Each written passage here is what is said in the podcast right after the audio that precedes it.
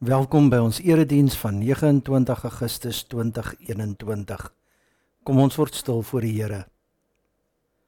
Ons het almal gedwaal so skape. Ons het elkeen op ons eie pad geloop. Here dink aan my. Hy het ons leiding op hom geneem. Ons siektes het hy gedra. Here dink aan my. Oor ons oortredings is hy deurboor. Oor ons sondes is hy verbrysel. Here dink aan my. Die straf wat vir ons vrede moes bring was op hom. Deur sy wonde het daar vir ons genesing gekom. Here dink aan my. Dit is volbring. Amen. Genade en vrede vir julle van God ons Vader. Aan sy liefde is daar geen einde nie. En die seun wat ons straf gedra het en die Heilige Gees wat ons nuut maak. Kom ons bid saam. Ons kom verootmoedig onsself voor U en ons bely ons onwaardigheid voor U. Ons is U woestynvolk op pad. Gaan saam met ons op hierdie pad en maak ons getroue navolgers van Jesus Christus. Ons kom vra vir U 'n nuwe opregte hart. Dankie dat U verlossing en U vergifnis ons heel maak. Skenk dit aan ons deur Christus Jesus, ons Here. Amen. Ons lees saam uit Psalm 25 uit. Psalm 25 van vers 1 af. Tot U Here rig ek my, my God, op U vertrou ek. Laat my vertroue tog nie te vergeefs wees nie. Laat my vyande nie juig oor wat met my gebeur nie. Niemand wat sy verwagting in U stel, sal beskaam word nie. Die wat nie op U vertrou nie, hulle kom in die skande. Maak my U wil bekend, Here. Leer my U paaie. Laat U waarheid my lei en onderrig my daarin, want U is God, my redder. In U stel ek elke dag my verwagting. Dink aan die liefde en trou, Here, wat U van altyd af betoon het. Moet tog nie dink aan die sondes en oortredinge van my jeug nie. Dink aan my in U trou, Here, omdat U goed is. Die Here is goed en regverdig. Hy wys selfs vir sondaars die pad aan. Hy laat aan hulpeloses reg geskied en hy leer hulle sy pad. Liefde en trou is die paaie wat die Here bewandel en die wat sy verbond en verordeninge bewaar tot sover. Die omstandighede waaronder 'n mens iets weet, speel 'n belangrike rol in die manier waarop jy dit weet. Want dit bepaal of jy dit met jou verstand weet en of jy dit ook met jou hart weet. Kom ons neem 'n voorbeeld. Sien nou julle sit as gesin Sondag vir die middagete aan die tafel en daar is 'n lewendige gesprek. Die een onderwerp lei tot 'n ander. En dan vertel een van iets wat sy die week iewers gelees het. Die krokodille in die Pongola Poortdam is vanjaar buitengewoon onvriendelik en ongemanierd. Hulle het in die laaste 6 maande al meer mense gevang en opgevreet as in die vorige 6 jaar saam. Niemand weet hoekom nie. Die gesin spekuleer 'n bietjie oor die krokodille, gril vir die gedagte en die gesprek gaan voort na iets anders. Dit gebeur omdat ons so toegegooi word onder die inligting dat ons min kans kry om iets vir langer as 'n paar minute te weet voordat ons gedagtes deur iets anders in beslag geneem word.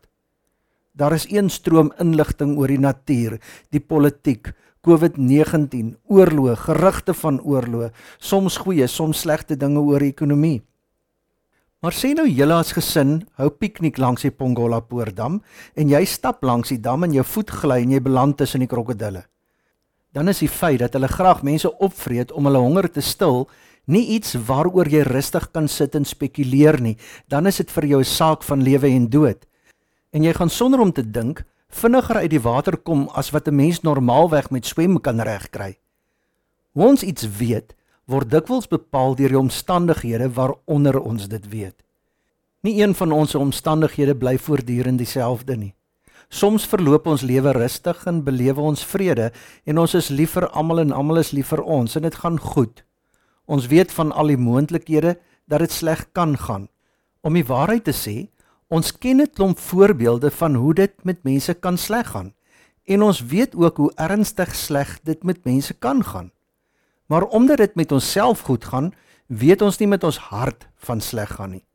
Totdat ons onverwags, by wyse van spreuke, tussen die krokodille beland. En dit kan soos 'n dief in die nag op ons afkom. Vat hierdie COVID ding. 'n Mens praat maklik daaroor en baie mense het baie vreeslike wyse woorde daaroor. Maar die oomblik as dit aan jou vel raak, dan is al die wyse woorde daaroor nie altyd so wys nie. En dan raak baie van hierdie sogenaamde woorde dwaase, vooropgestelde idees. Ek het al die antwoorde en al die ander se antwoorde is verdigsels totdat dit nie meer sin maak nie. Psalm 25 vers 1 sê: Tot U Here rig ek my, my God, op U vertrou ek. Laat my vertroue tog nie te vergeefs wees nie. Die bidder van Psalm 25 het tussen die krokodille beland. In sy gevalle was die krokodille mense. Hy sê nie vreeslik baie van hulle nie, behalwe dat hulle sy vyande is, dat daar baie van hulle is en dat hulle hom haat. In sommige krisisse, soos die een tussen die krokodille sin, is dit sekondes wat 'n verskil maak tussen lewe en dood. Ander krisisse kan ure, dae of selfs maande duur. Dit kan 'n oomblik van jou tyd vat of al jou aandag insluk. Maar wat eenders is van alle krisisse, is dat 'n groot krisis mense dikwels laat voel asof hulle paadjie kan doodloop, asof daar nie meer vir hulle toekoms is nie, asof alles donker is as hulle vorentoe kyk. Dit is opvallend dat die bidder van Psalm 25 so baie keer oor paaie en oor God se weg en sy eie weg praat. Miskien was dit met hom so en is dit ook met ons so dat ons eers regtig na God se pad vir ons begin vra wanneer ons op ons eie paadjie se koelde zakbordjie doodloopstraat afkom. Want 'n mens sing Psalm 25 vers 2: Wil o God my op u weg lei, maak u wil bekend o Heer. Op een manier is dit goed gaan en op 'n ander manier is dit sleg gaan. Hoe dit ook al sê, ons psalmdigter is in 'n sy dam vol krokodille en sy vooruitsigte lyk vir hom duister. Oor hoe hy in hierdie dam vol krokodille beland het, sê hy niks. Daar is 'n moontlikheid dat hy iets aangevang het wat 'n klomp van sy mede-Israeliete so die harnas ingejaag het dat hulle vir hom vyande geword het. 'n Mens voel amper om te sê, wie van ons kan ooit met 'n heeltemal skoon gewete sê dat ons nie ook 'n bietjie skuld het aan die verhoudings wat in ons lewens skeef geloop het nie. Aan die ander kant kan dit gebeur dat mense werklik sonder dat jy vir hulle rede gee vir jou in die steek laat of wreed en haatlik teenoor jou optree. Jy's in 'n krisis omdat dit oor jouself gebring is of omdat dit doeteenvoudig oor jou pad gekom het. En tog is dit opvallend dat die psalmdigter amper minder praat oor sy vyande en hoe gemeen hulle teenoor hom is as wat hy oor sy eie sonde praat. In vers 7 sê hy vir die Here: "Moet tog nie dink aan die sondes en oortredinge van my jeug nie. Dink aan my in u trou, Here, omdat u goed is." En later weer in vers 11: "Ter wille van u naam, Here, vergewe my my sondes, want dit is groot." En vers 18: "Vergewe tog al my sondes."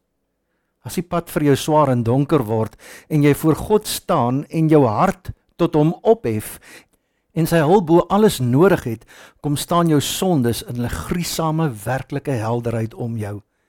Want dit is die ironie van ons menswees. Ons beroep ons op God se trou terwyl ons self so ontrou is. Ons kla oor die optrede van ander terwyl ons self dikwels vir ander rede gee om oor ons te kla. Ons is vervolg dus maar ook vervolgers.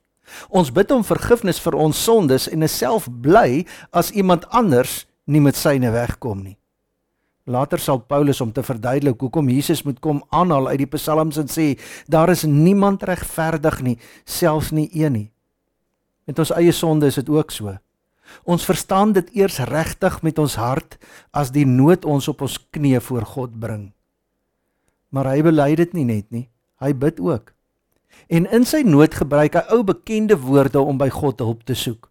Hy vra dat die Here hom na hom sal wend, na hom sal kyk, hom sal raak sien, sal omgee, hom sal red. Jy praat op een manier met God as jy spreek woordelik rustig rondom die kombuistafel met God oor 'n klomp sake sitting gesels. Maar jy praat drasties anders met God wanneer jy tussen die krokodille beland. Want as jy aan die tafel sit, lyk die damme van die wêreld met hulle krokodille ver en dikwels onwerklik. Dan verbeel jy jou dat dit net die mense is wat dit te na in die water waag wat inval en opgevreet word. Dan lyk jou eie pad vir jou regheid en eindeloos voorspoedig. En jou eie sondes is net foute wat nie regtig tussen jou en God kan staan nie. Dan word ons gesels met God dikwels woorde wat nie dadelik na ons hart toe gaan nie, eers net in ons brein vassteek. En tog wys Psalm 25 ons dat wanneer 'n mens se nood so groot raak dat jou eie woorde jou nie steek laat, dat God jou steeds hoor. Hy hoor jou gedagtes, jou vrese, jou emosies. Amen. Genadige God, ons bely dat ons elke dag teen U in gedagte, woord en daad sondig. Ons sondig deur dit wat ons doen en ook deur dit wat ons nalat om te doen. Ons het U nie met ons hele hart lief nie. Daar is te veel dinge rondom ons wat ons aandag verdeel. Ons het ook nie ons naaste soos onsself lief nie. Ons bid om vergifnis vir ons sondes, maar self bly as iemand anders nie met syne wegkom nie. Ons is regtig jammer en bely dit nederig voor U. In die naam van die Here Jesus Christus, wees ons genadig en vergewe ons sodat ons in U teenwoordigheid kan lewe. Wys ons hoe om te lewe dat ons U naam verheerlik. Amen. Die Here sal julle seën en julle beskerm. Die Here sal tot julle redding verskyn en julle genadig wees. Die Here sal julle gebede verhoor en aan julle vrede gee. Amen.